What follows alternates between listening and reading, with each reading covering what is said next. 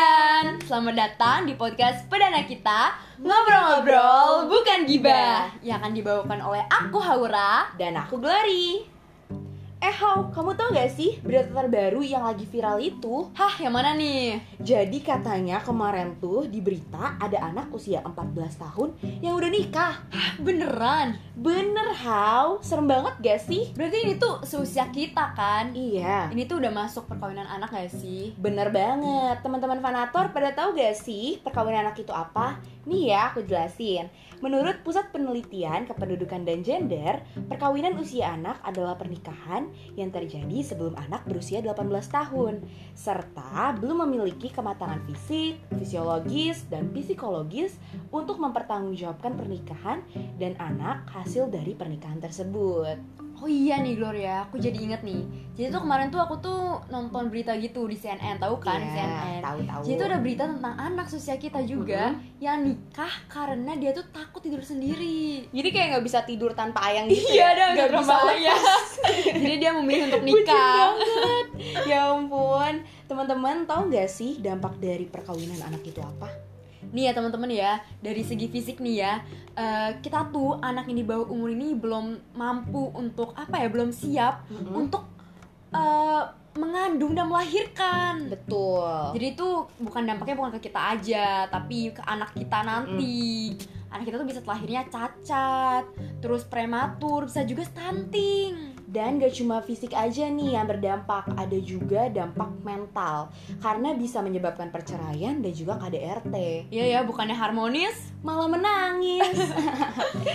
nah, ada juga nih ya, tadi kan kita udah ngomongnya general gitu ya. Iya. Dari Kota Bogor sendiri, data tribunnewsbogor.com dari Badan Penasehatan dan Pelestarian Kota Bogor, sejak Januari 2019 sampai Agustus 2019, ada lebih dari 50 anak di Kota Bogor Oh, 50 anak itu tuh banyak banget gak sih? 50 yang anak. menikah di bawah umur dan ini tuh katanya menjadi tren loh. Tren menikah di bawah umur ini mengalami peningkatan sejak bulan Juni. Waduh, Serem banget di berita aja tuh ditulisnya tren ya. iya Juni tuh serem banget. Tapi pa, uh, tahu gak sih kalau misalnya tuh perkawinan anak ini tuh ada undang-undangnya loh. Apa tuh undang-undangnya? Undang-Undang nomor 35 tahun Hmm. 2014 pasal 7 ayat 1 tentang perkawinan yang mengatakan bahwa perkawinan hanya diizinkan apabila pria dan wanita sudah mencapai umur 19 tahun. Jadi nih kalian nih yang belum 19 tahun ini tuh belum boleh namanya nikah-nikah dulu. Bener banget. Mendingan sekolah dulu Iya nggak sih sekolah dua aja bener. Iya. Dan buat teman-teman nih ya yang mungkin mau eh, membuat pengaduan, pengen cerita-cerita atau dan lain sebagainya, bisa banget hubungin ke 0853 1913 8899. Dicatat tuh ya nomornya. Catat tuh ya. Terus kalian juga nih kalau ada yang di sekitar Bogor nih, kalian tuh bisa langsung ke Instagram ya, Puspaga Kota Bogor. Dan ke kantornya juga bisa di Jalan Ciwaringin nomor 99. Jadi teman-teman semuanya jangan takut buat ngelapor ya karena kita bakal siap banget melayani. Ya kita sedia selalu melayani. Kalau kalian tuh di sur kalian tuh dipaksa buat Iya, nikah atau, mungkin kalian karena tuh- keadaan, Iya. ekonomi dan lain sebagainya. kalian yang nggak mau tuh Mm-mm. kalian tuh jangan takut bang lapor Betul. ya kita semua tuh pasti bisa melayani kita bisa membantu kita setia banget sama kalian Jadi say no to perkawinan anak kalian say no to perkawinan anak nggak boleh banget ya. Iya. Jalan-jalan jangan takut bertanya sampai jumpa di podcast selanjutnya saya Haura dan saya Glory. Pamit umur diri. Salam spirit and fun. Dadah.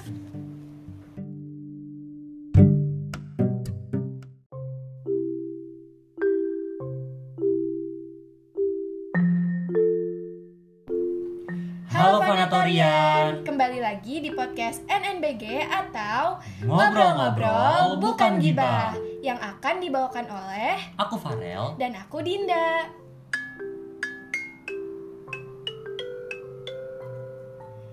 Eh eh, lapar banget gak sih hari ini? Iya lapar banget nih Tapi aku jadi keinget sesuatu deh Rel Apaan tuh? Jadi aku pernah baca artikel Katanya ada anak yang gak dikasih makan sama orang tuanya Wah beneran Kenapa emang? Jadi katanya tuh dia diusir dari rumah berbulan-bulan karena dia laki-laki sendiri, bahkan gak dikasih makanan sama orang tuanya. Itu masuk ke penelantaran anak gak sih, Din? Hukumannya gak make any sense banget. Penelantaran anak. Apa itu?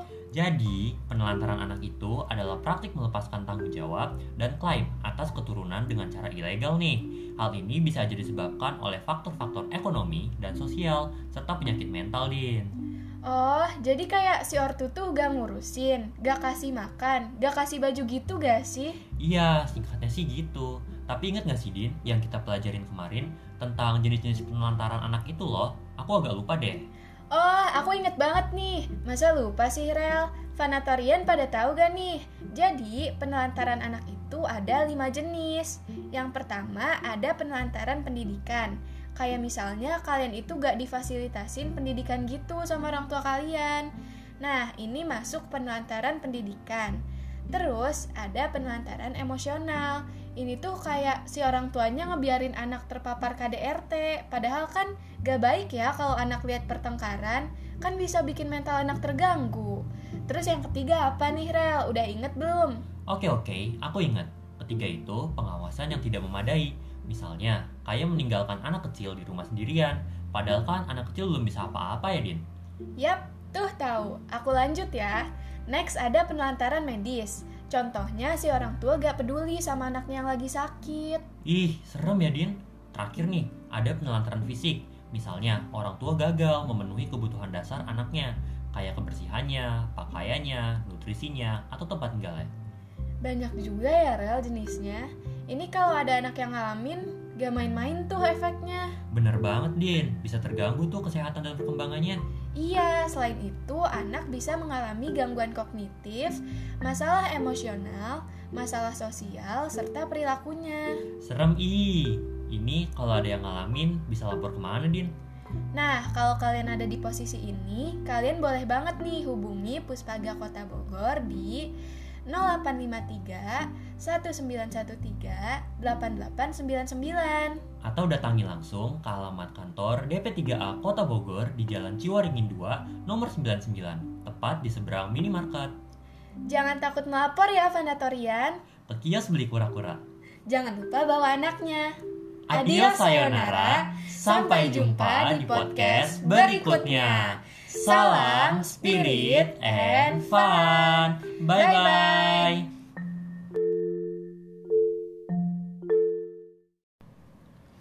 Halo Vanatorian, kembali lagi di podcast NNBG atau Ngobrol-Ngobrol Bukan Gibah yang akan dibawakan oleh Aku Farel. dan aku Dinda.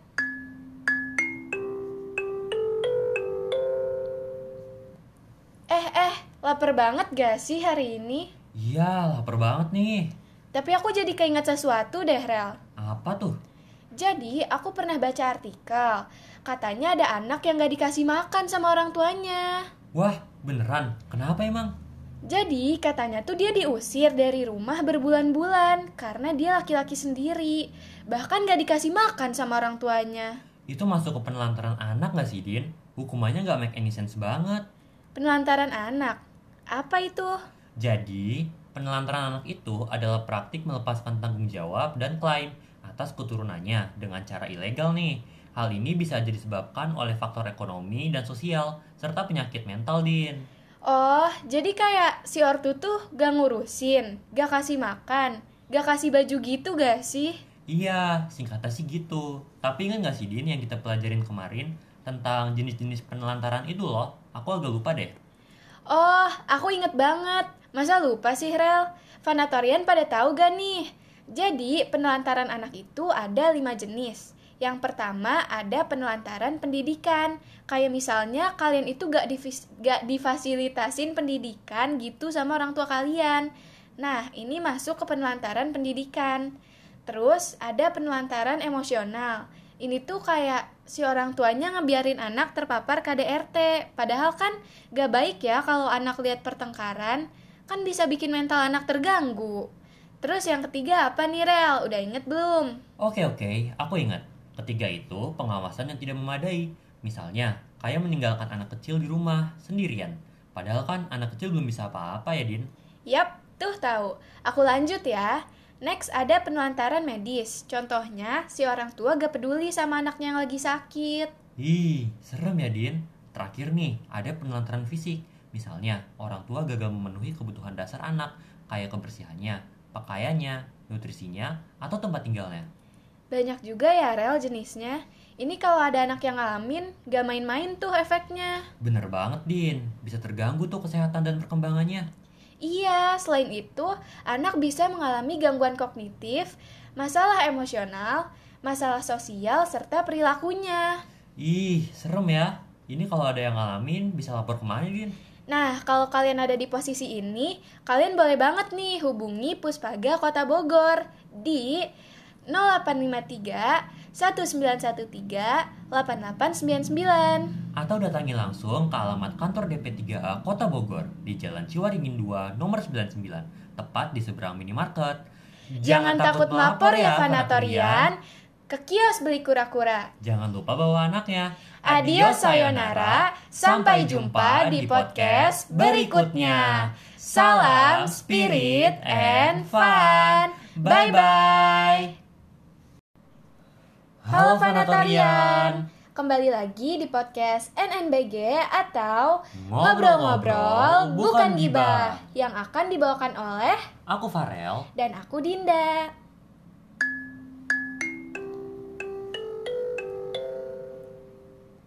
Eh eh, lapar banget gak sih hari ini?